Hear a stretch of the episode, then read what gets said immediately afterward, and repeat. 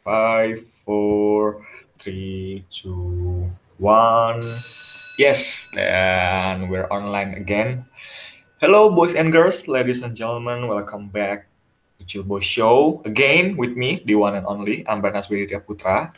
Yang dalam setiap episodenya, saya, aku, uh, gua, dan bintang tamu akan berusaha memberikan berbagai hal, entah itu pengetahuan, rutinitas, quotes, tips, and trick, untuk membuat hidup Anda lebih chill. Nah, oke, okay, jadi episode kali ini beruntung banget seperti biasa aku akan ngundang bersama seorang bintang tamu yang aku juga apa ya uh, ada personal benefit juga karena topik pada episode kali ini adalah tentang kesehatan fisik. Nah, seperti yang kalian ketahui, mungkin yang udah dengar kalau aku bisa yang kalian tahu ya, aku kan mahasiswa psikologi ya biasanya. Maaf alumni, alumni psikologi yang biasanya ngebahas tentang kesehatan mental. Nah, jadi memang kalau dilihat-lihat fenomena sekarang kan kesehatan mental itu suatu hal yang booming ya, tapi somehow kita udah agak lupa nih aku nggak ngeliat kebumingan kesehatan fisik. Nah, jadi menurutku topik yang pas pada episode kali ini adalah uh, tentang kesehatan fisik. Dan uh, bintang tamu yang pas menurutku untuk topik kali ini adalah seorang dokter. Ya, ya sebenarnya memang gila sih kayak aku mikir siapa ya? Karena dulu di episode sebelumnya ada mahasiswa FK, tapi sekarang uh, aku pengen coba try my best to interview seorang dokter yang, yang bisa aku katakan apa ya? Yang bisa aku katakan uh, dokter langka mungkin dokter langka atau unik karena bintang tamuku pada episode kali ini adalah dokter FK Undip termuda dan dia adalah Mbak Nidia Rena Benita Sihombing. Jadi uh, please give a big round of applause buat Mbak Nidia. Halo Mbak Nidia, welcome to the show. Welcome to the show. Halo Amran, okay. halo semuanya yang mendengarkan. Oke, okay, sebelumnya terima kasih Mbak Nidia telah menyediakan waktunya. Nah, jadi sebenarnya apakah aku benar memanggil yang Mbak Nidia atau Ibu Nidia ya? Soalnya kan ya saya sih merasa masih muda ya. Okay. Lebih suka dipanggil Mbak, masih denial kalau dipanggil Ibu walaupun sudah muda. Oke, oke, okay, berarti kita will go on with Mbak ya, Mbak Nidia ya. Nah, oke okay, Mbak, yeah. Iya. uh, se seperti biasa, biasanya kalau aku nih di setiap episode ini aku memulai satu episode sebuah episode itu tentang uh, dengan pertanyaan random ya. Ini random, randomly aja tiba-tiba pops up ketika ketemu Mbak Nidia tadi di awal. Nah, ini sih aku pengen nanya hal randomnya ini. Uh, what do you think about uh, COVID-19, Mbak? oh, uh, gimana ya? Wah, itu sih bisa panjang kalau dibahas. Okay. Yang pasti, hmm? uh, yang pasti kalau harus disampaikan dalam satu pernyataan, hmm? ya COVID-19 is not a hoax. Hmm. Hmm. Itu mungkin yang perlu kita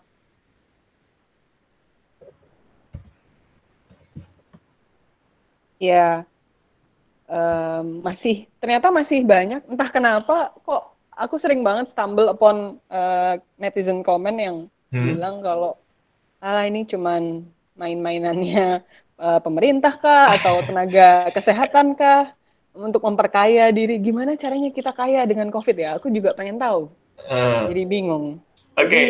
uh, begitulah. It's not a hoax. It's not a, so. Uh, can I say kalau misalkan Mbak Nidia ini adalah uh, orang yang anti konspirasi COVID ya? Iya nggak sih? um, anti konspirasi COVID. Sebenarnya kons teori konspirasi itu menyenangkan ya. Tapi kalau sudah yeah. me sudah melibatkan kemaslahatan orang banyak kok kayaknya ya kita harus lebih pintar-pintar memahami sebenarnya hmm. itu konspirasi atau memang faktanya seperti itu. Hmm, hmm. I see, I see, I see. Oke, okay, kalau nggak salah Mbak juga karena aku stalk Instagram Mbak sih Mbak, mohon maaf. Jadi uh, pernah ngebahas tentang teori konspirasi juga ya Mbak di GTV, ya nggak sama psikolog? Ya, gitu, kebetulan ya? saya uh, ada temen yang psikolog juga dan dia uh, sama aku membahas tentang uh, mem berantas, mengupas tentang uh, konspirasi atau hoax yang ada di masyarakat tentang COVID-19. Iya, yeah, true, true. Oke, okay. untuk yang penasaran yang mau nonton pembahasannya, pengupasannya itu nanti linknya akan aku taruh di show notes. Oke Mbak, karena tadi topiknya tentang kesehatan fisik juga, dan aku sebenarnya seperti aku katakan, somehow kalau aku ngeliat di Instagram itu memang di sosial di media sosial lebih tepatnya memang yang emerging banget itu kesehatan mental tentang topik Iya. kesehatan mental tuh hot banget cuma Hmm. kok aku juga apa aku nggak ngelihat ini ya nggak ngelihat se-boomingnya tentang kesehatan fisik padahal kan menurutku yang aku pelajari pun itu adalah dua hal yang eh, apa ya dua hal yang saling mempengaruhi dan saling ber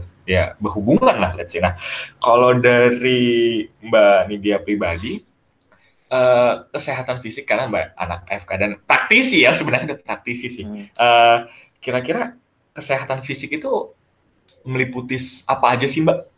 Karena kan kesehatan mental kesehatan fisik agak harusnya ada yang misahin gitu loh. Nah, menurutnya batasnya tuh kayak gimana Mbak kesehatan fisik itu? Sebenarnya memang eh, nggak ada batas yang Hmm? benar-benar tegas antara kesehatan fisik dan mental karena kayak yang tadi Amran udah sampaikan bahwa kesehatan fisik dan mental itu memang saling berhubungan. Hmm? Eh, kita sendiri dari SD udah dikasih tahu bahwa eh, mensana in corpore sano gitu di dalam tubuh yang sehat terdapat jiwa yang sehat. Jadi sebenarnya Oke. eh, dua itu saling berkaitan dan menurut aku juga nggak bisa dilepaskan. Kita nggak bisa cuman fokus ke kesehatan eh, fisik kita, kita eh, build up tubuh kita gitu tan- tanpa mengingat bahwa oh kita ternyata juga harus merawat Hmm. kesehatan mental kita dan sebaliknya misalkan kita eh, berusaha untuk self improvement tapi hanya Hmm. dengan em, apa meningkatkan pengetahu- pe- pengetahuan atau praktek-praktek kita tentang eh, merawat kesehatan mental tanpa diikuti dengan kesehatan fisik juga ya agak susah juga gitu untuk mencapai eh, tubuh yang sehat itu secara eh, jasmani dan eh, secara mental juga. Hmm, hmm, hmm, I see. Emang sih Mbak benar. Dan Hmm. kalau dari karena gini, aku kan eh, juga belajar psikologi dan memang ada beberapa penelitian yang aku baca kalau misalkan eh, eh, apa ya aktivitas berolahraga itu eh, justru malah bikin eh, apa ya kemampuan kognitif kita ya kemampuan kita berpikir itu jadi lebih improving gitu loh. Nah, eh, jadi kayak aku mikir eh, yang pertanyaan yang saya tanyakan ke Mbak ini kira-kira eh, what is the best way for us apalagi di keadaan pandemi kayak gini ya untuk memaintain eh, kesehatan fisik kita? Ya, kalau eh, sebenarnya memang aktivitas untuk kesehatan fisik itu yang pasti adalah tetap aktif ya, Hmm. stay eh, stay aktif karena tubuh kita itu punya yang diistilahkan metabolisme gitu. Jadi eh, tubuh kita tuh berusaha mengatur, me- meregulasi supaya eh, apa namanya kita itu eh, berfungsi secara maksimal.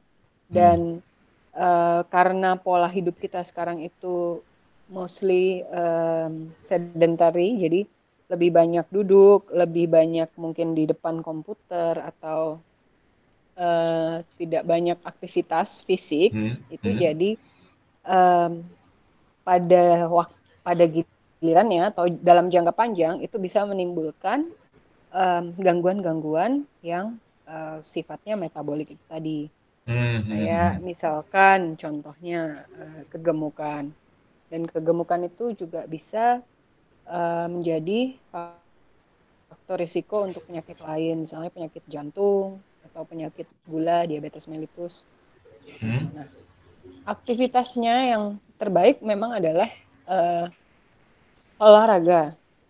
Hmm. Eh, olahraga itu terbaik dilakukan seminggu itu eh, sekitar 2 sampai 3 kali per minggu dengan intensitas yang ringan sampai sedang, kurang lebih kalau misalkan lari atau berenang atau sepedaan ya kira-kira 30 sampai 60 menit.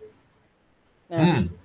eh, cuman memang sekarang karena kondisinya seperti ini, pasti Iya. prakteknya juga susah. Hmm. Nggak cuman eh, apa namanya, nggak cuman eh, teman-teman yang awam aja, tapi kita yang juga eh, tenaga kesehatan pun kayaknya udah susah banget buat stay aktif sedemikian rupa gitu.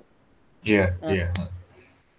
eh ya yang bisa kita usahakan adalah memang eh, bagaimana caranya supaya tubuh kita itu tetap eh, ada aktivitas. Memang kalau menurut pakar-pakar yang uh, apa di bidang kedokteran olahraga, hmm? uh, menurut mereka memang kegiatan-kegiatan aktivitas rumah tangga itu tidak bisa menggantikan olahraga. Tapi hmm. sementara kita memang harus stay home ya kita coba lakukan home workout misalnya.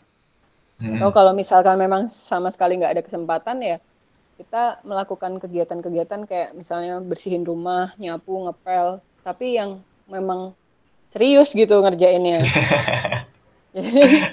Jadi memang itu nggak bisa menggantikan, tapi paling nggak dia bisa membakar uh, apa uh, kalori gitu ya. Hmm. Dan sekarang juga kan banyak um, apa home workout tutorial kayak gitu yeah. yang bisa hmm. dilakukan di rumah. Jadi prinsipnya memang adalah staying active. Jadi membuat tubuh kita itu nggak sedentary tadi, nggak nggak hanya diam aja selama uh, eh, okay. di rumah. Oke, okay. apa tadi mbak istilahnya sedentary? Iya sedentary. sedentary. Itu, itu bahasa Indonesianya apa ya? uh, aku kok jarang nemuin tapi itu kayak okay. pokoknya nggak aktif lah kurang aktif oh, kurang aktif ya oke okay. jadi kayak kesannya aku ini ya lagi pakai aplikasi Halo Dokter ya konsultasi sama oke okay, mbak nah tadi menarik juga mbak karena kita disuruh stay aktif dan apa namanya keadaan yang cukup sulit membuat kita sulit itu ya nah jadi gini, aku menarik juga sih karena pas awal pandemi ini menyebar luas itu kan aku lagi ngurusin revisi skripsi ya, revisi skripsi. Jadi harus di Tembalang. Nah, pas di Tembalang aku ingin pulang ke Bekasi ke rumah eh, rumah asal aku. Itu nggak bisa, udah keburu lockdown lah. Apalagi Jabodetabek kan udah kena banget. Nah, iya. dan di situ itu aku emang coba tetap uh, aktivitas uh, jogging di ya home workout lah, bukan home workout sih, cost workout ya, karena di kosan. Hmm. dan nah uh, seiring berjalannya pandemi ini kan memang ke, kalau aku lihat fenomenanya itu yang awalnya disuruh stay at home itu semua stay at home di awal cuma semakin lama semakin apa semakin apa bisa aku katakan buas ya mereka semakin nggak hmm. menaati peraturan dan akhirnya akhirnya keluar udah mulai bodo amat lah sama covid ini dan yang menarik itu adalah sepeda jadi booming lagi sepedaan tuh jadi yeah. booming lagi iya jadi somehow aku ngeliat loh kok jadi booming lagi sepedaan it's it's a good thing menurutku cuma yang aku bingung tapi kok mereka berolahraga, ada yang jogging juga, jalan apa bersepeda itu pakai masker. Nah, itu hmm. sebenarnya gimana sih, Pak? Maksudnya gini, kalau yang aku tahu ya, aku dulu baca komik ya, mungkin Mbak tahu komiknya ya, komik eh, tapi hmm. eh, komik namanya uh, Ice Shield ya buat yang yang nggak tahu komiknya nanti aku taruh linknya di show notes. Nah, namanya Ice Shield itu dan dia emang uh, uh, latihannya itu uh, setiap hari itu pakai masker jadi biar pas jogging itu pakai masker biar nafasnya itu lebih berat dan lebih kerasa lah efeknya lebih kayak gitu. panjang. gitu. Lebih panjang ya sebenarnya. Nah, sebenarnya kalau dari sisi sisi kedokteran, sisi seorang dokter itu itu is it worth it atau sebuah mitos aja, Mbak? Gimana? Nah, jadi ini um, sebenarnya ini adalah pembicaraan yang lumayan uh, hot waktu awal-awal hmm. booming eh, orang-orang mulai new normal ya. Iya. Yeah. Jadi benar-benar apa ya? Banyak pendapat sih. Dari WHO sendiri dia hmm. beda sama dari uh, perkumpulan kedokteran olahraga. Jadi gini, uh, sebenarnya prinsipnya kita dalam memakai masker, mau masker yang surgery atau masker bedah maupun masker yang kain, itu kan yeah. Iya. uh, kita berusaha untuk mengurangi penyebaran kuman dari tubuh kita. Mm -hmm. Itu dulu yang pertama. Jadi dari kitanya, bukan dari orang lain ke kita. Mm. Nah, kedua baru dari orang lain ke kita, gitu. Nah, uh, karena masker itu menutupi hidung dan mulut, sebagian orang berpendapat bahwa ah nggak mau ah gue pakai masker ntar sesek kayak gitu. Uh, ntar uh, susah gue napasnya, apalagi gue mau olahraga dan sebagainya kayak gitu. Nah, uh, sebenarnya ini uh, balik lagi, apakah Anda itu melakukan olahraga itu sesuatu yang rutin? Hmm. Seandainya kita sudah melakukan sesuatu itu secara rutin, maka sebenarnya nggak akan ada masalah Anda pakai masker atau tidak. Hmm. Gitu. Dan uh, masker itu juga sudah kita ketahui, udah ada beberapa artikel juga dan jurnal juga bahwa masker itu sebenarnya tidak membuat uh, kekurangan oksigen dalam darah atau hipoksia kalau okay. uh, penggunaannya wajar. Penggunaan wajar itu dalam arti pemakaian tuh sekitar 4 sampai maksimal 8 jam. Hmm, hmm. Nah, kemudian aktivitas juga tidak terlalu berat. Nah, kalau dari WHO, mereka memang uh, waktu itu memang WHO sempat merilis bahwa gini, um, untuk berolahraga tidak disarankan memakai masker karena ditakutkan akan uh, meng, apa ya, saya lupa sih istilahnya menyebabkan kesulitan bernapas atau apa gitu. Oke. Okay. Yeah. Tetapi diminta untuk menjaga jarak minimal 2 meter. Iya. Yeah. Hmm. Nah, sekarang di Indonesia bisa nggak kita kira-kira jaga jarak 2 meter? Susah ya? Iya. Apalagi sekarang fenomenanya bukan cuma sepedaan, tapi sepedaan bergerombol, sepedaan Itu bareng dia. teman. Sepedaan bareng teman menutupi sekali, jalur juga ya. Iya, sama sekali nggak bisa uh, diterapkan gitu di Indonesia. Hmm. Nah, sebagai uh, uh, bukan alternatif ya sebagai jawabannya dari perkumpulan kedokteran olahraga jadi hmm. uh, ada spesialisasi tersendiri namanya kedokteran olahraga itu menyarankan untuk tetaplah memakai masker hmm. dan apabila kita mulai merasa uh, capek misalnya mulai uh, ngos-ngosan gitu hmm.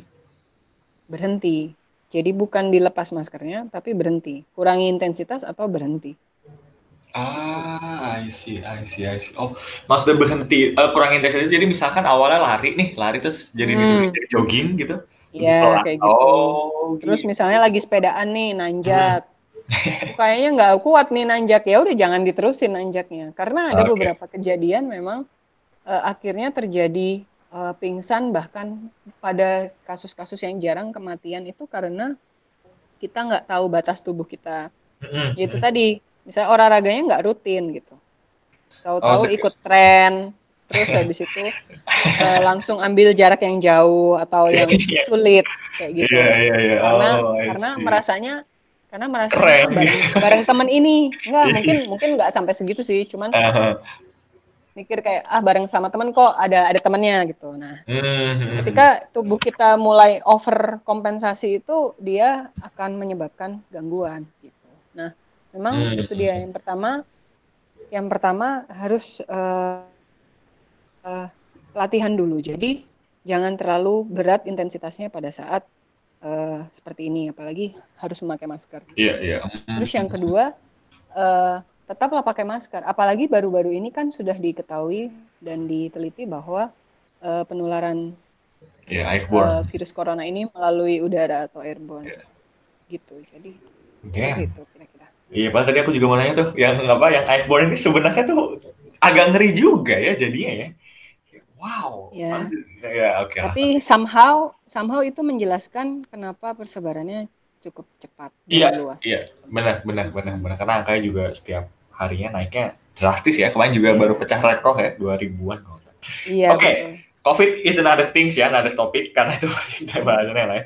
Nah, Mbak, uh, jadi aku penasaran tadi ketika Mbak itu nyebut spesial uh, dokter spesialisasi olahraga terus segala macam. Nah, kalau Mbak Lydia sendiri tuh ada spesialisasinya kah? Enggak, saya dokter umum. Cuma oh, dokter umum. Itu, uh, kenapa saya jadi dokter termuda itu karena Asik. waktu itu S2 dan S3-nya uh, setelah saya lulus uh, memang dijalankan dalam waktu empat tahun karena beasiswa yang saya hmm, dapatkan hmm, hmm. dari Dikti. Jadi uh, waktu itu ya S2 dan S3 saya itu di bidang genetika, genetika manusia. Wow, itu menarik banget sih. Cuma oke, okay, topiknya kesehatan fisik, bukan genetika ya nanti. Oke, okay, next time ya penasaran. Nah, tadi juga ini Mbak sebagai follow up question. Ah, sebenarnya aku penasaran banget sih kalau tadi kan sempat uh, apa uh, nyebut kegemukan, obesitas gitu ya, Mbak. Nah, hmm. uh, sebenarnya pengen aku tahu sih mungkin bisa ngasih insight juga kepada para pendengar adalah kegemukan itu apakah itu uh, biologis penyebabnya keturunan atau enggak? Apa ya? Atau pola makan gitu, Mbak. Kira-kira gimana, Mbak? Ya, ini uh, masalah kegemukan tuh sudah banyak banget uh, dan sampai sekarang masih banyak diteliti. Hmm? Uh, masalah kegemukan itu memang banyak faktor. Hmm. Jadi salah satunya tadi yang uh, Amran bilang biologis itu, ya salah satunya adalah faktor genetik. Oh, Jadi okay. memang memang ada um, diketahui beberapa um, kelainan atau uh, mutasi ya, kelainan hmm. bawaan yang menyebabkan seseorang tuh bahkan dari lahir sudah uh, ada kecenderungan menjadi gemuk pada saat masih balita hmm. dan atau pada saat sudah beranjak dewasa. Cuman hmm. uh, hal itu juga yang kita istilahkan multifaktor. Jadi bukan cuma faktor itu yang berpengaruh, yeah. tapi juga ada faktor lain kayak ya tadi intake makanannya seperti apa, hmm. terus uh, pola hidupnya. Hmm. Tapi memang faktor uh, bawaan atau uh, faktor genetika ada pengaruh. Oke, okay. uh, tapi ada nggak sih mbak uh, apa persentasenya gitu? Ada nggak? Nggak ada ya? Persentase ya, mempengaruhi mempengaruhi kegemukan genetikanya itu bawaan tadi faktor. Oh, uh, ya tergantung sih, tergantung apa yang mempengaruhi. Hmm, tergantung misalnya kalau karena kelainan di tingkat selnya, ya itu jarang banget sih. Itu kan penyakit bawaan berarti uh, bukan penyakit bawaan, penyakit genetik yang uh, apa namanya sejak lahir terjadi itu nggak terlalu besar persentasenya. I see, oke. Okay. Iya sih benar juga ya. Karena aku juga belajar DSM, Mbak berarti juga baca-baca DSM nggak sih Mbak kalau dokter? Iya dulu waktu ya. ini waktu ya. di psikiatri. Yes, yes, yes, sekarang kan DSM. Juga kan apa psikologi sama dokter kan ada ada apa ya? Tumpang tindinya lah. Dan DSM itu kan hmm. emang ada apa diagnosa depresi dan itu depresi bukan cuma masalah lingkungan sosial, tekanan sosial, tapi ada genetik juga kadang-kadang ada apa, ada apa, ada dan dan yeah. banyak juga sih. Nah, ngomongin kegemukan mbak, uh, aku sempat jadi gini ini, ini sebenarnya mungkin banyak orang juga yang ngerasain ya aku adalah orang yang bisa aku katakan kalau aku tuh uh, apa ya yang diimpi-impikan wanita gitu tapi bukan maksudnya bukan aku orang yang diimpi wanita tapi kayak gini jadi aku itu orangnya makannya banyak tapi nggak hmm. gemuk-gemuk gitu loh dan aku pengen gemuk sebenarnya lebih tepatnya hmm. berisi kali ya nggak gemuk uh, lebih berisi gitu nah kalau itu berarti masalah genetik juga, Mbak? Apa gimana? Uh, ya, jadi kalau masalah um, kita kadang merasa makan banyak tapi nggak gemuk-gemuk itu salah hmm. satu faktor metabolisme tadi yang sempat oh, okay. di awal. Hmm. Jadi uh, pada masing-masing orang hmm. kadar hormon terus kadar uh, apa namanya uh, apa kayak enzim ataupun hmm. zat-zat hmm. dalam tubuh kita yang meregulasi tubuh kita itu juga bisa bervariasi, bisa beda-beda. Okay, Ada orang yang memang metabolismenya lebih cepat sehingga makanan yang dikonsumsi uh, itu diolah dan diserap juga lebih cepat. Hmm. Jadi uh, kesannya kayaknya kok tetap segitu-segitu aja gitu. Uh, Tapi uh, balik lagi emang yang dimakan seberapa banyak dan se bergizi apa gitu. Oh iya, iya itu sih. Iya benar sih. Bergizinya dan, apa sih? Ya dan bahkan kalaupun misalnya kita merasa nggak terlalu gemuk, kadang-kadang kandungan uh, body fat kita itu yang uh, juga diperhitungkan. Hmm. Nah, kalau hmm. untuk yang body fat ini saya nggak terlalu mempelajari detailnya, hmm. tapi hmm dia pengaruh uh, terhadap juga uh, apa namanya terhadap uh, uh, dipengaruhi oleh uh, gizi yang um, intake yang kita konsumsi gitu jadi uh, kalau misalkan kita merasa kayaknya aku udah sering makan junk food nih atau apa nggak gemuk-gemuk juga ya bisa jadi mungkin kita ngerasa nggak gemuk-gemuk tapi sebenarnya udah ada timbunan uh, body fat itu di tempat yang emang nggak terlalu kelihatan gitu. Ah gitu ya. Jadi jadi inget sih ketika aku masih kuliah, jadi jokesnya kayak gini. Lu mau makan sehat apa makan kenyang? Beda ya. Yeah. kayak nyata nyata selama ini aku makannya kenyang tapi nggak sehat. Kayak burjo yeah. ya tau lah ya kembalang burjo ayam geprek kayak gitu. tapi lucu, lucu sih dulu aku nyimbangin itu dengan apa rutin rutin berolahraga. Nah, nah. kalau oke okay, ngomongin kegemukan ngomongin uh, apa namanya uh, pola makan, aku sempet ini mbak uh, ngelakuin riset kecil-kecilan melalui Google ya kata ya karena aku anaknya Google banget kan nanya ke Google hmm. apa apa uh, jadi karena aku uh, stumbling upon di diet aduh aku lupa uh, karnivor diet apa yang yang sayur-sayuran doang sama diet yang karnivora doang daging doang. Apa sebutannya ya Wah nggak tahu. Banyak banget sih jenis diet. Uh, diet plan, diet plan atau diet ah lupa nanti deh aku cari lagi deh. Nah uh, kalau oh, tapi ini bukan spesialisasi mbak ya kalau ngomongin diet-diet kayak gini ya? Ya paling cuman tahu basicnya aja, cuman kalau untuk detail aku memang nggak terlalu. Ah, I see, I see, I see. Oke, soalnya ini sih Mbak, karena tadi ini aku eh, Mbak juga kita sempat nyerempet tentang uh, bakteria, uh, hmm. Hmm. aduh, apalagi tadi bahasa, pokoknya itulah yang Mbak tadi.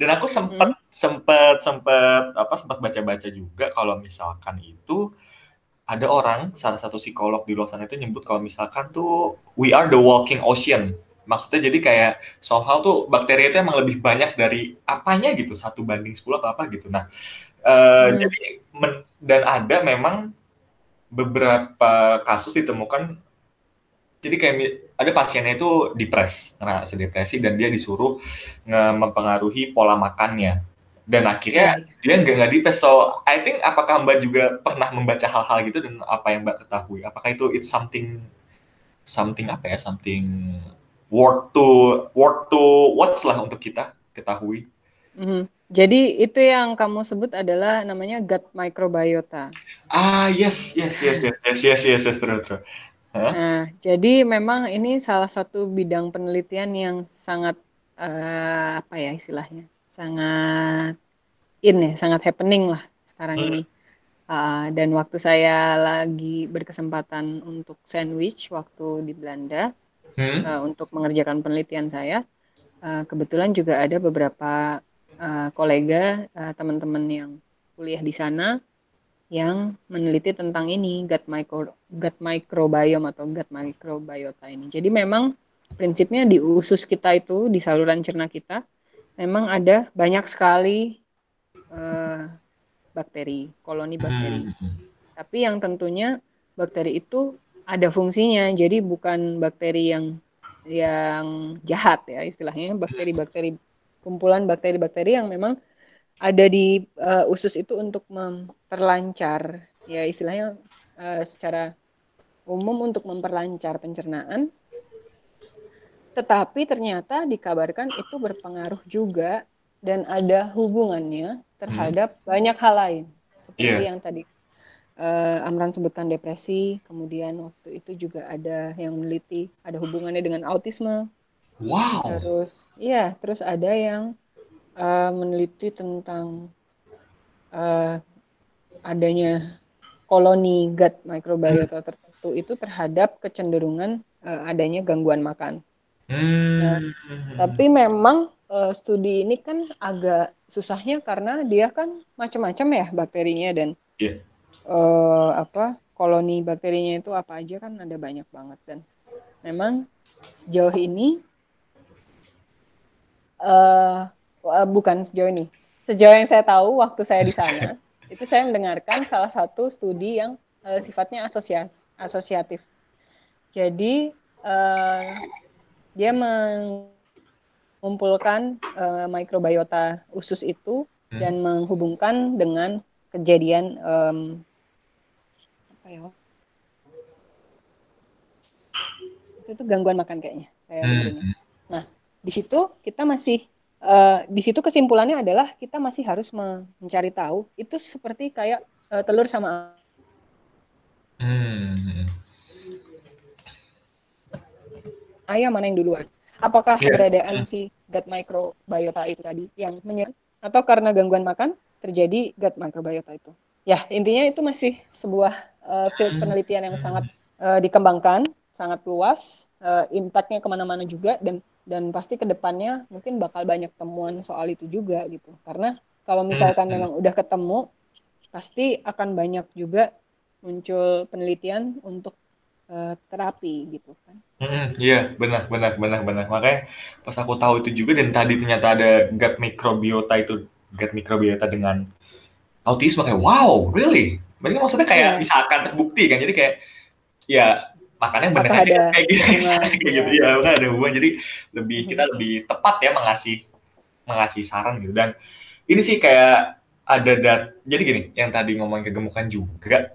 Jadi kan yang aku tahu ya, uh, mungkin correct me if I'm wrong kalau Mbak Nidia juga tahu. Jadi kan ada data WHO itu sebenarnya bilang kalau misalkan uh, dunia sekarang itu tuh ada sisi positifnya ketika ngomongin data ke angka kemiskinan karena angka kemiskinan kita itu udah tinggi, udah bisa mencapai target dari target optimis WHO. Jadi dalam berapa tahun harusnya lima tahun, cuma kita udah achieve dua tahun lah. Singkatnya kayak hmm. gitu.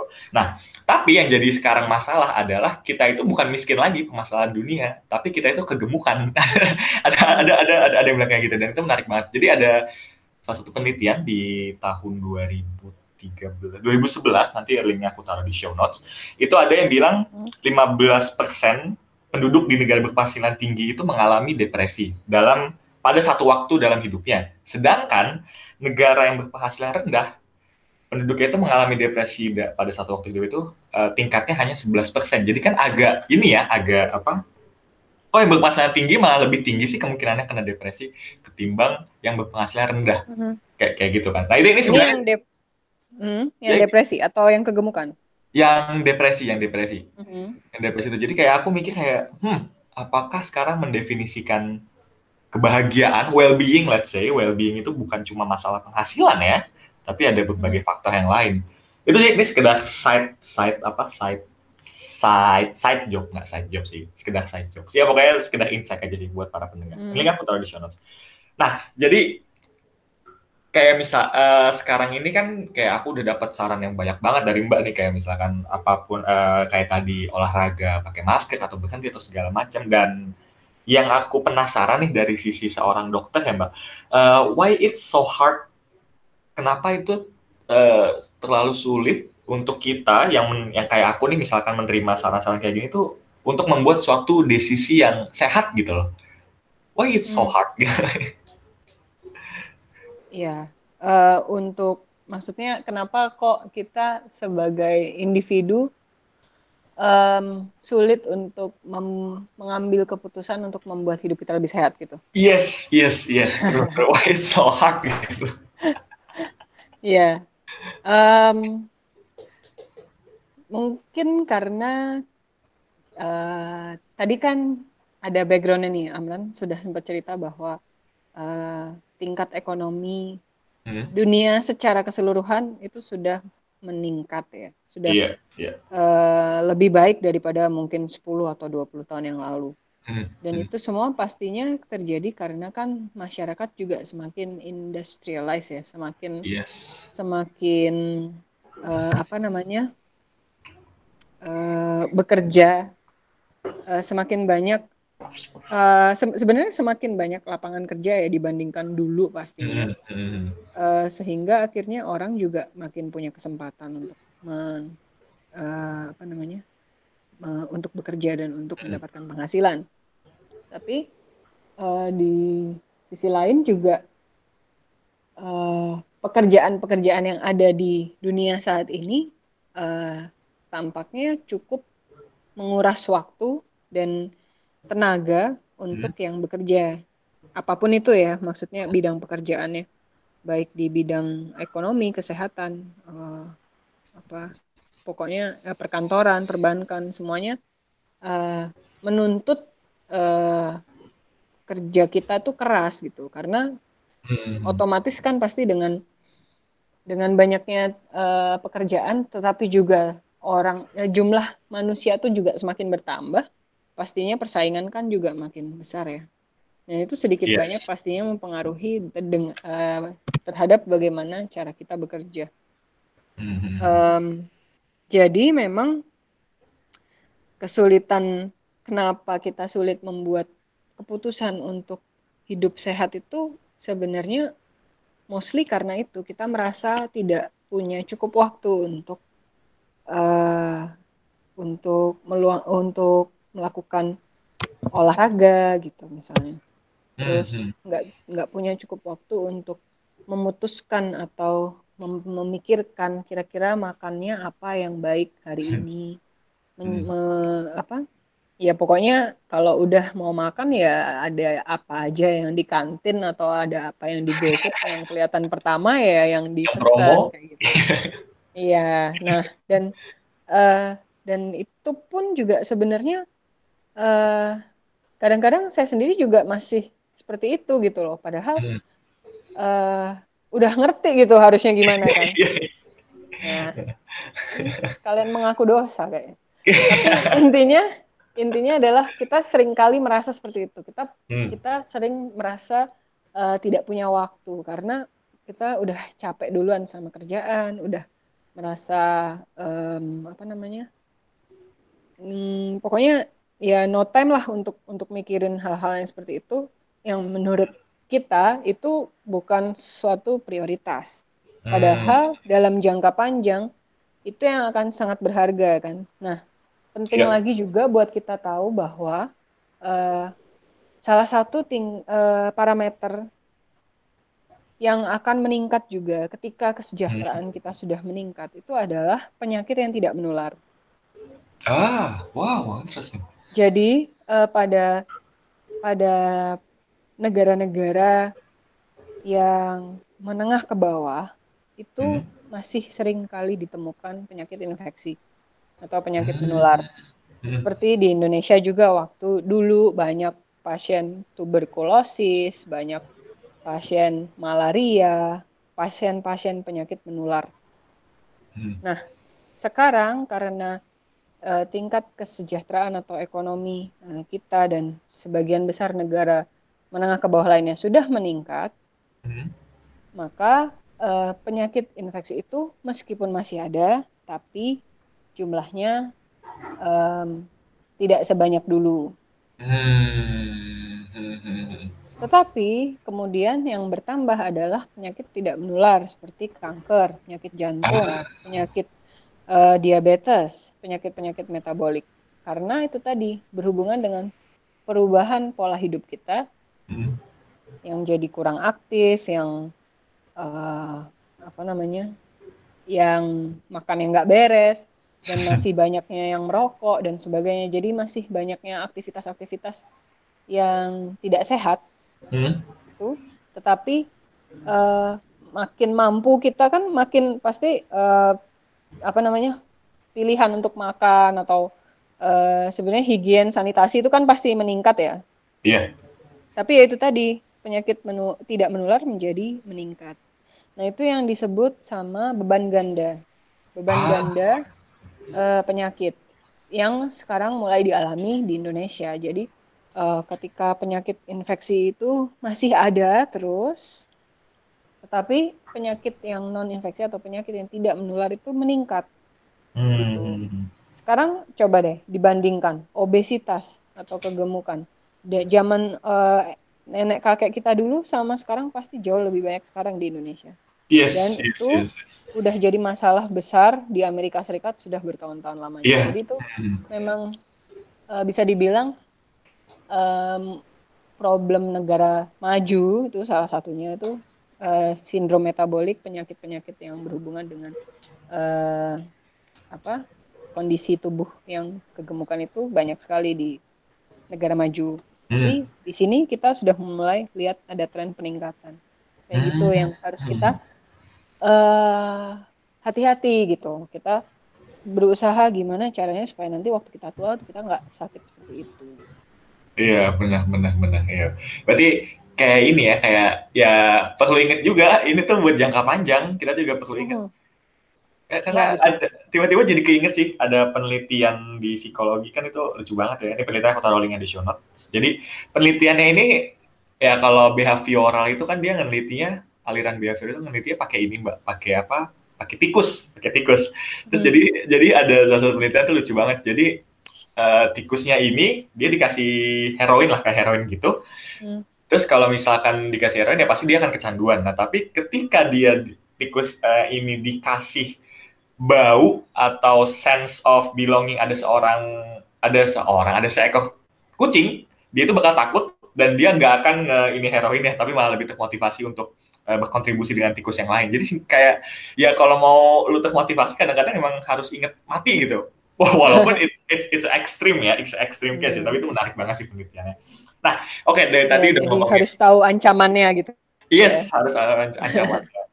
itu, itu salah satu motivator yang baik juga nih. Nah, ngomongin kesehatan fisik udah banyak, udah insight semuanya tadi aku udah penelitian yang menarik-menarik banget dan aku Hmm. pengen ini sih tiba-tiba penasaran karena jujur aku pun setelah lulus ini sempat bingung mbak ini berarti agak curhat juga sih maksudnya bingung Hmm. juga ya gimana ya ngelanjutinnya apakah uh, gua harus ke korporat atau ke Hmm. apa ke uh, karirnya ke mana gitu nah dan kan mbak sebagai dokter ya itu kan berarti Hmm. kayak menurutku karir yang melanjutkan jenjang pendidikan kita lah langsung ke pengaplikasian Hmm. segala macam nah kalau dari mbak pribadi sebenarnya karir S pilihan karir sebagai dokter tuh gimana sih mbak Maksudnya? maksudnya kayak eh, apa ya apa yang bikin mbak tuh kayak eh, tertarik untuk berkarir di dunia dokter apakah ini passion Hmm. motivasinya kayak motivasinya atau apa ya kayak gitu Dulunya berarti. Eh, oke iya masuk iya. awal. iya Ah, boleh gimana ya ceritanya? Bakal panjang ini kayaknya. Ya, intinya eh, sebenarnya waktu SMA saya punya banyak ketertarikan sih. Hmm. Tapi saking banyaknya jadi nggak fokus sebenarnya pengennya apa. Nah, memang kebetulan orang tua saya dokter. Ah, oke Dan mereka juga ya eh, nggak maksa saya jadi dokter sih. Nggak Hmm. pernah maksa, nggak pernah kayak nyuruh pokoknya kamu harus masuk FK kayak gitu nggak pernah. Cuman karena itu yang mereka kuasai dan mereka tahu dan itu passion mereka ya, jadi mereka pas, Hmm. eh, pasti ngejelasinnya yang positif-positif lah. iya oke Ya. Saya mem- eh, memang kami anak-anaknya nggak pernah dipaksa, buktinya adik saya juga nggak dokter gitu. oke Nah, jadi ya udah akhirnya waktu itu setelah eh, apa namanya mempertimbangkan, akhirnya saya eh, masuk ke kedokteran itu memang awalnya mungkin klise ya masih Hmm. kayak apa sih idealis ya pokoknya pengen bantu orang dan asik eh, pengen pengen apa namanya pengen ngobatin or- eh, pasien lah gitu. Tapi Hmm. eh, pada saat sudah menjalani ternyata saya menyadari bahwa oh kalau jadi dokter itu bukan itu aja tugasnya gitu. Hmm. dan nggak hanya itu dan nggak hanya terbatas di situ nggak hanya terbatas eh, apa memeriksa dan mengobati pasien gitu. Tapi masih banyak hal yang bisa kita lakukan dan salah satunya yang akhirnya membuat saya tertarik itu adalah mengenai eh, edukasi gitu. Ah oke Jadi memang pada saat menuju lulus itu saya udah sempat mempertimbangkan pengen masuk S, eh, pengen lanjut S2 atau S3 karena memang ingin mendalami ilmu supaya bisa mengajar kayak gitu. oh Nah, gitu Wah. ya terlepas dari ngajarnya apa, pengen aja gitu untuk melanjutkan eh, apa pendidikan Hmm. tapi yang akademis, jadi bukan spesialis Hmm. gitu. Nah, Oh, oke oke. se- selama ini eh, memang mayoritas eh, lulusan dokter itu em, insight-nya atau impiannya dan em, pandangannya adalah untuk melanjutkan spesialisasi dan Hmm. memang belum banyak orang yang eh, setelah lulus dokter itu pengen eh, melakukan hal-hal lain selain eh, menuju ke spesialisasi bahkan ada Oh. juga yang untuk ke situ ya mungkin ambil S2 dulu dan sebagainya tetapi habis itu eh, fokusnya kepengen lanjut spesialis kayak gitu. Nah, Hmm. tapi eh, makin makin ke sini saya lebih merasa enjoy untuk eh, apa namanya? me- mempelajari hal-hal yang kayak tadi terkait Hmm. genetika itu karena saya juga di S2 itu belajarnya konseling genetika. Jadi memang sam- ketemu sama dosen-dosen psikologi juga. Oh wow, keren. Ya, dia diajar sama eh, dosen-dosen psikologi juga dan memang itu adalah em, bidang studi yang masih jarang banget eh, ada di Indonesia. gitu. Jadi eh, selain itu juga, nah yang yang yang lucu adalah waktu saya masih awal-awal ma- eh, kepengen, jadi memang saya kepengen kepengen ngajar kan, ya pengennya kalau bisa jadi dosen. Iya. Tapi tuh saya tuh nggak ngeh gitu atau eh, apa ya istilahnya? ya? ya nggak nggak kalau kalau namanya dosen atau mengajar tuh harus sama meneliti juga gitu. Oke, okay, iya, iya. Nah, aku aku dulu nggak ada basic neliti yang di lab. Ah. Okay. Gitu. Jadi waktu itu agak kaget juga. Oh iya ya, ternyata uh, banyak penelitian yang harus dilakukan dan bahkan itu harus selalu dilakukan kayak gitu. Jadi hmm, ya, hmm, hmm. suatu suatu yang baru juga gitu karena waktu di waktu S1 juga porsi penelitian itu kan juga tidak terlalu besar kan. Iya, iya, iya. Oh, Benar-benar okay. membuka uh, pandangan baru juga dan akhirnya ya menemukan uh, keasikan baru juga di situ. Hmm, iya sih. Jadi kayak sebenarnya ya aku, aku jadi bisa relate Mbak karena jujur aku juga pengen lanjutin S2 uh, eh, psikolog hmm. tapi pengennya jadi psikolog karena bisa praktek. Kalau di Mbak berarti kasusnya yeah. spesialisasi ya. Cuma kan ada psikolog juga yang science tapi coba bisa hmm. penelitian doang dan jadi dosen bisa. Hmm. Nah, cuma hmm. itu karena mungkin bisa aku katakan uh, koreksi ya mbak kalau salah motivasi mbak itu kenapa bisa uh, ingin lanjut di dunia dokteran ini karena juga mbak juga apa ya uh, memperkaya ilmu lagi terkait kedokteran ini nggak sih mbak?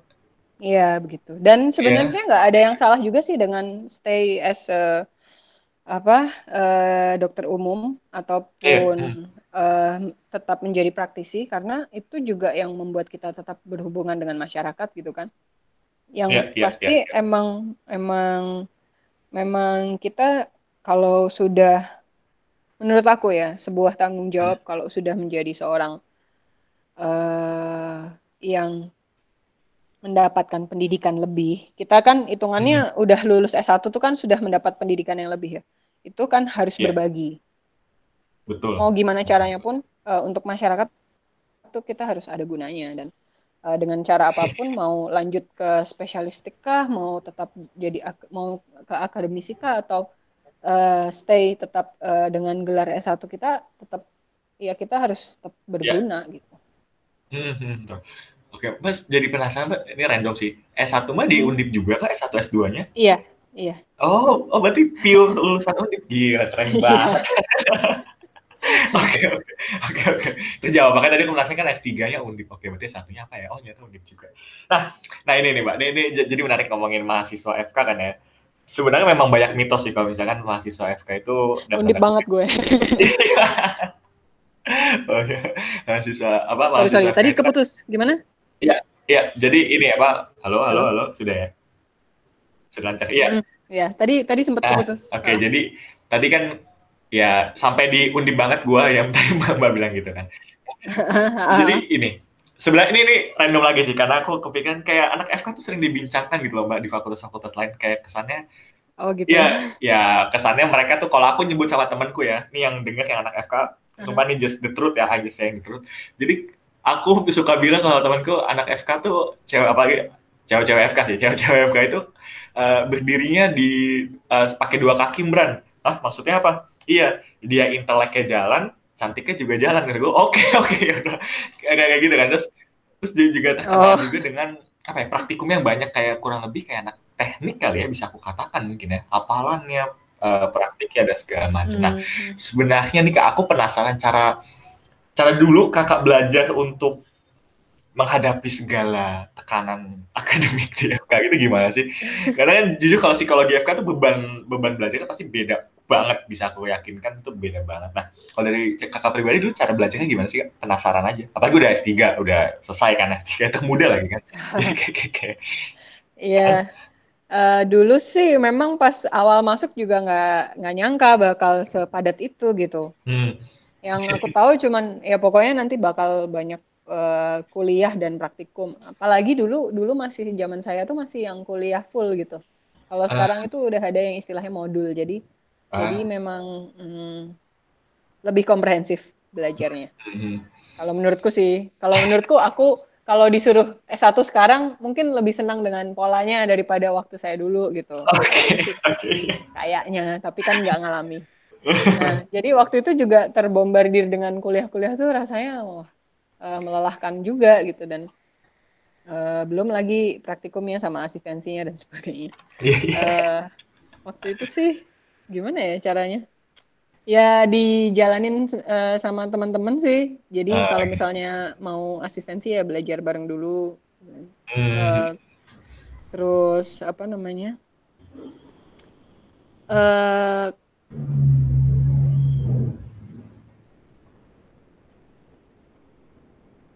mencicil tuh perlu juga sih uh, kayak hmm, maksudnya mencicilnya tuh nggak yang aku nggak yang nggak yang ini banget sih nggak yang rajin banget nyicil tuh nggak ada temen aku yang bisa dia sampai uh, bener-bener ngeringkas ulang uh, kuliah dari dosen dan sebagainya gitu enggak sih cuman uh, setelah selesai kuliah itu baca lagi catatannya udah yang maksudnya yang hari itu aja gitu okay. yang hari itu aja dibaca ulang biar uh, apa namanya biar ingat hmm. biar ngerti gitu terus ya udah oke okay.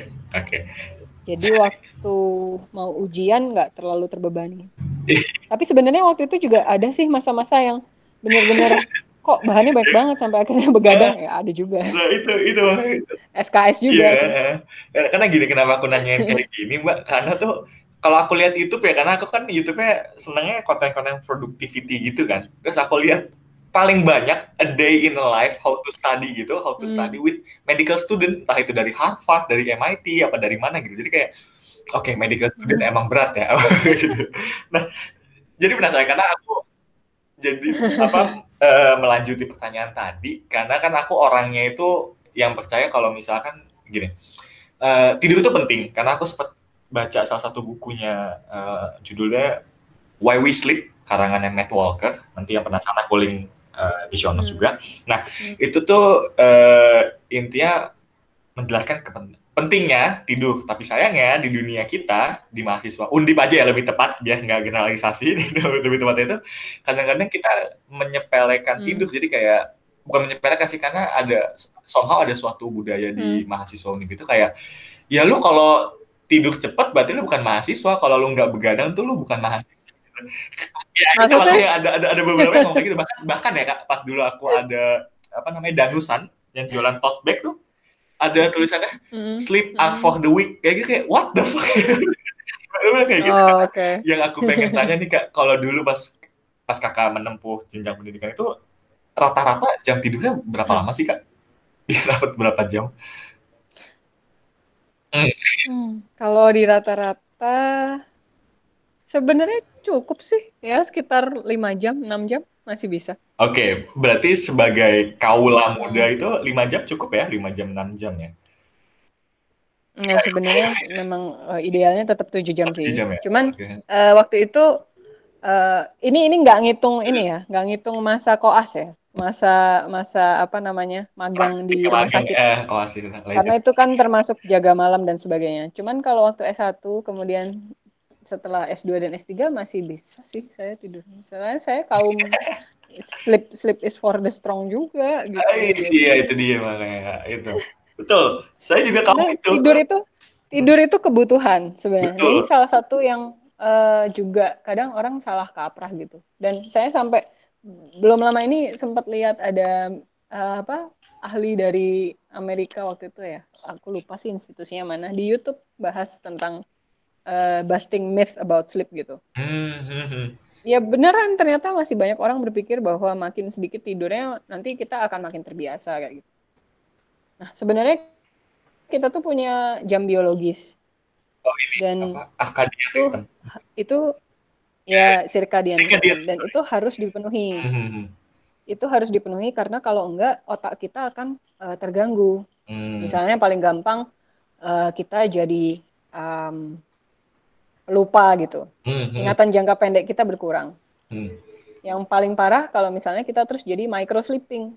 Ketika okay. kita kurang tidur, lagi bawa motor atau bawa mobil, bawa kendaraan, hmm. atau lagi melakukan sesuatu yang berhubungan dengan mesin misalnya, kalau kita micro sleeping tuh kita bahkan nggak nyadar gitu kalau kita tidur. Hmm. Walaupun cuma sepersekian detik. Iya, yeah, iya. Itu kan bisa bisa mengakibatkan kecelakaan ya. Nah, itu semua adalah sistem otak untuk mengkompensasi. Jadi okay. uh, eh, tidur itu perlu dan uh, sempatkanlah tidur gitu. Kalau memang misalnya susah banget buat tidur karena deadline tugas ya, uh, kalau saya sih ngakalinnya ya pokoknya tetap berusaha melakukan mengerjakan itu sampai batas di mana saya mau tidur setengah jam misalnya. Hmm. Kalau saya mau tidur sejam. Okay. Jadi ada tetap waktu untuk istirahat gitu. Oke, berarti idealnya tidur itu 7 jam. Idealnya ya, idealnya. Iya, idealnya. Orang dewasa 7 Orang dewasa. Cuma kalau misalkan ada tuntutan segala macam 5 jam, is it okay? ya, menurut pengalaman saya sih sebenarnya tetap kurang, tapi tapi ya, ya cukup lah daripada nggak tidur sama sekali gitu. Eh benar sih karena yang hmm. aku, yang aku tonton juga di YouTube kan tentang di TED Talk sih si Matt Walker itu yang hmm. uh, fokusnya di tidur itu emang tidur itu entah uh, mengurangi memori jangka pendek terus emosionalnya juga kurang stabil jadinya. Ya betul. Gampang banyak marah jadi cranky. yes yes jadi cranky benar benar benar. Hmm. nah, ya itu okay. sebenarnya sama kayak sama kayak kalau orang kelaparan juga gitu hampir hampir ah, sama yes yes benar benar hmm, benar. efeknya efeknya ya. Benar juga ya. Oke okay. nah tadi udah ngomongin cara belajar terus kayak jam tidur kayak segala macam. Nah aku penasaran lagi sih mbak karena menurutku mbak itu kan uh, tokoh yang cocok ya bisa aku katakan high high high achiever ya. High achiever. Ya yeah, high achiever but also high pressure lah bisa aku katakan kayak gitu. Nah is there some uh, apa daily habit kebiasaan-kebiasaan keseharian itu untuk menjaga diri mbak tetap stable tetap tetap stabil uh, stabil secara apa nih? Jadi kayak mental. Bu ya mentally physically tetap sehat lah tetap sehat. Gitu oh. Apa ya? Ya itu sih salah satu yang menurutku agak lumayan penting dan mungkin eh, selalu aku usahakan untuk dicukupkan adalah tidur sih waktu tidur. hmm. jadi uh, berusaha menjaga sleep hygiene. Apalagi uh, waktu itu kan memang ya sempat ada masa-masa yang nggak bisa kayak gitu di mana memang harus jaga kayak gitu waktu koas itu. Atau waktu lagi magang internship ya ya udah. Tapi itu benar-benar uh, salah satu apa sih fungsi atau kebiasaan hidupku terganggu lah kalau lagi kayak gitu ya. Tapi nggak masalah nggak masalah. Tetap tetap bisa well function sih. Terus yang kedua kalau lagi banyak uh, pikiran atau banyak merasa banyak masalah sih aku biasain journaling. Ah, wow, cool. Aku juga betul fun fact. Jadi dari sejak zaman SD tuh aku nulis diary emang. Ah. Itu bener-bener dari SD. Iya, yeah, iya. Yeah. Wow. kalau dan kadang-kadang tuh kalau misal aku lagi pulang ke rumah orang tua aku di Bekasi juga kadang masih ketemu gitu bukunya buku diary-nya tuh oh, yeah. rasa alay tapi nggak yeah. nggak apa-apa sih karena itu kan pengalaman ya. Iya, iya, iya ya kita pernah lah di masa-masa ale lah ya. gitu. Jadi jadi dari SD sampai SMA tuh saya masih keep diary. Hmm. Dan waktu S1 pun masih berusaha uh, pokoknya kalau misalnya sempet ya ada satu buku yang emang pakai buat nulis gitu. Dan hmm. waktu saya di uh, Belanda untuk sandwich kan memang uh, mostly kehidupan saya sendirian ya. Uh, hmm. di, di di dorm juga sendiri. Uh, teman-teman orang Indonesia ada sih tapi kan nggak banyak. Dan nggak setiap hari kita temui gitu.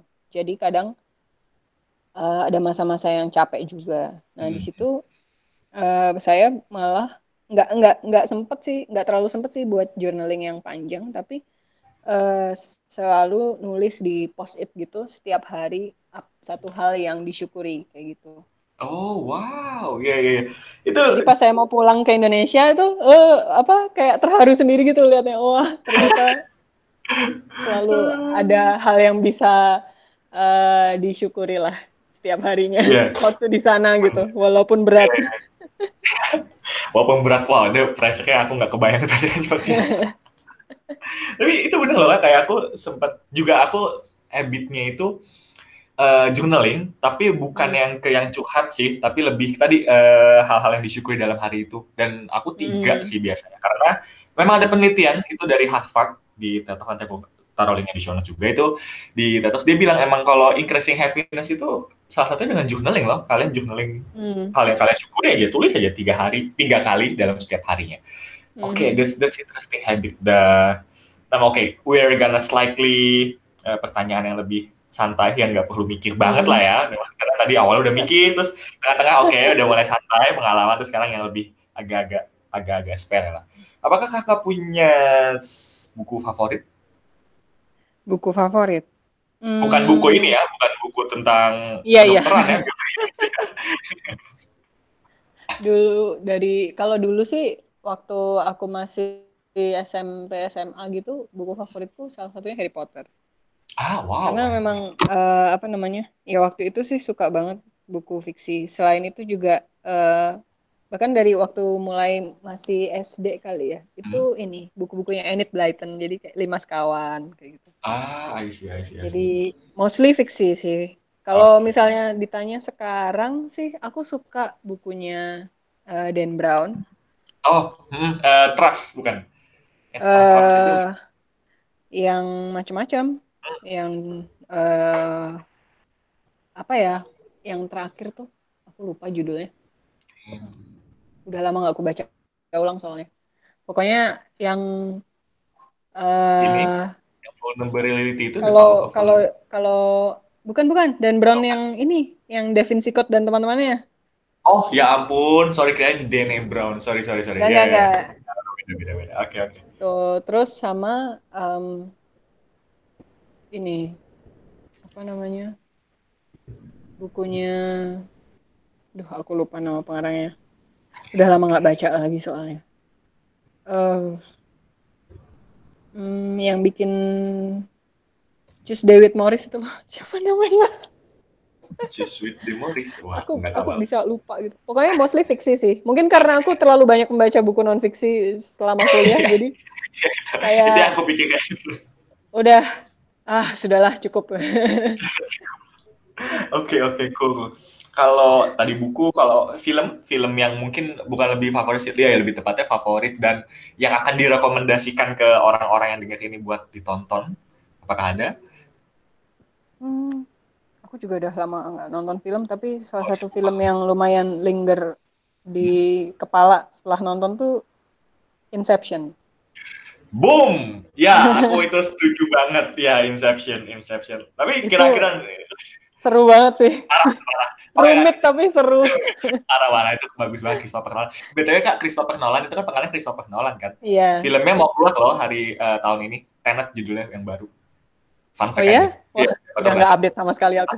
Di trailernya Oke, yang main yang main si ini si Robert Pattinson, si ini siapa? Oh, si Twilight, Twilight. Twilight ya, Hmm. Twilight gitu, itu bagus. Oh ya terus tiba-tiba karena kakak nggak nyebut Inception, aku penasaran. Jadi menurut kakak endingnya dia di dunia imajinasi apa di dunia nyata? Itu dia makanya kita aku sama teman-temanku berdebat gitu. Kalau menurutku sih kayaknya dia tetap eh, dalam imajinasinya deh. Oh ya.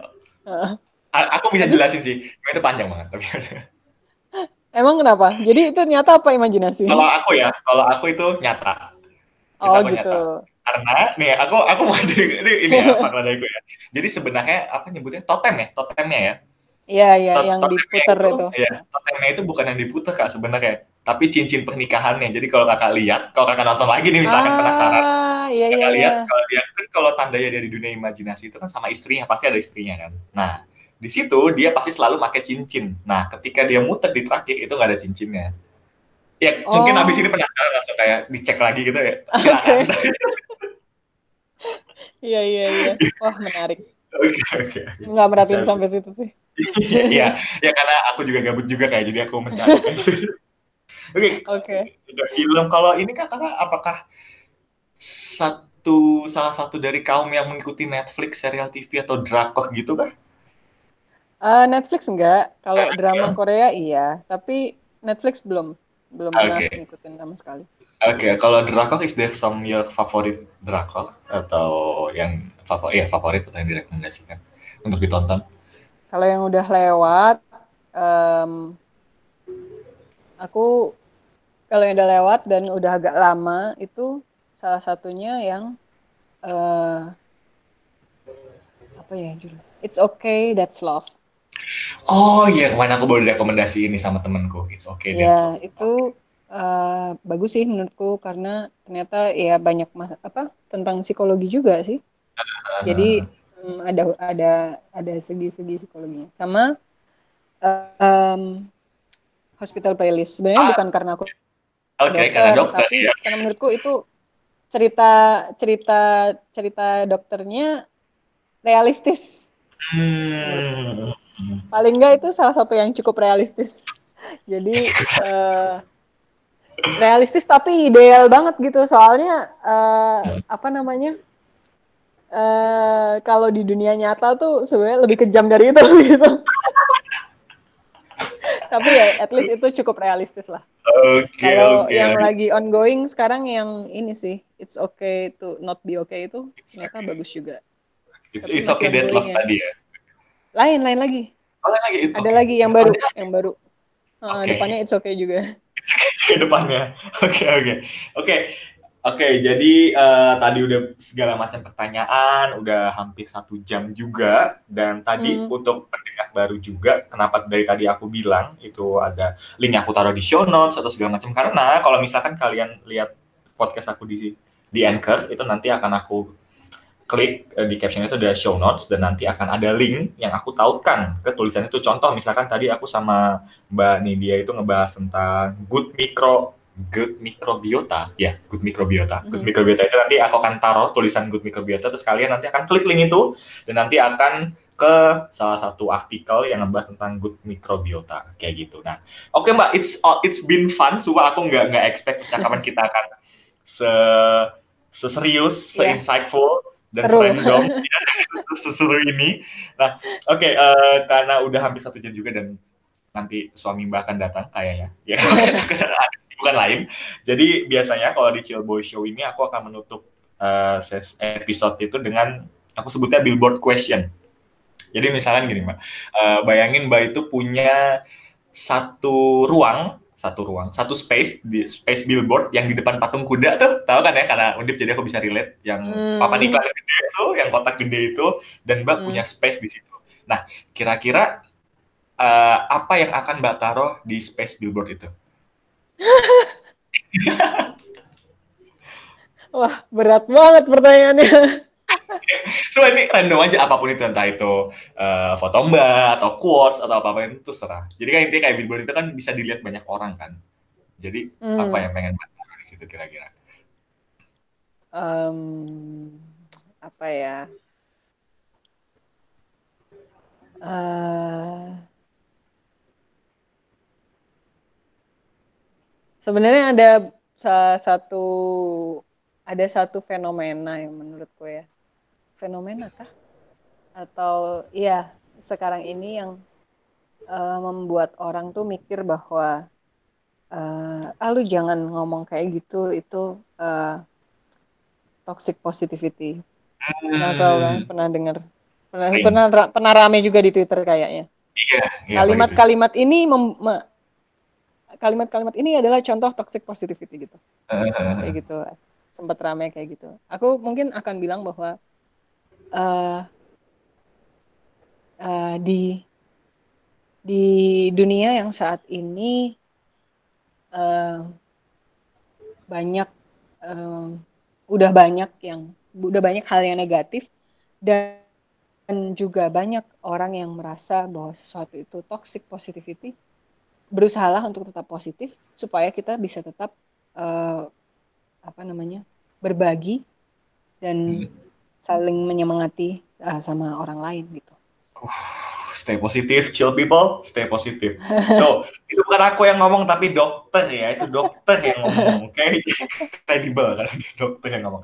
Oke, okay, Mbak, uh, terima kasih sekali lagi yang sebesar-besarnya atas Mbak Nidia menyempatkan waktunya dalam tengah Sama-sama, kesibukannya. Mbak. Semoga apa yang kita diskusikan di sini, apa yang kita randomkan di sini tuh bisa ngasih insight buat semuanya. Oke, okay? yeah, sekali lagi terima kasih dan I okay, people, chill people. I hope you love the show and I hope you enjoy the show. Jadi sampai ketemu di episode selanjutnya. Ciao. Bye. Terima kasih telah mendengarkan episode ini. If you have some favorite quotes dari episode ini, bisa langsung tweet atau snapgram quotes favorit kamu dengan hashtag chillboyshow atau menurutmu ada orang yang perlu mendengarkan episode ini, silahkan klik tombol share atau bagikan. Ya, karena why not you share it to them kan? That's all. Sampai bertemu di episode selanjutnya. Ciao!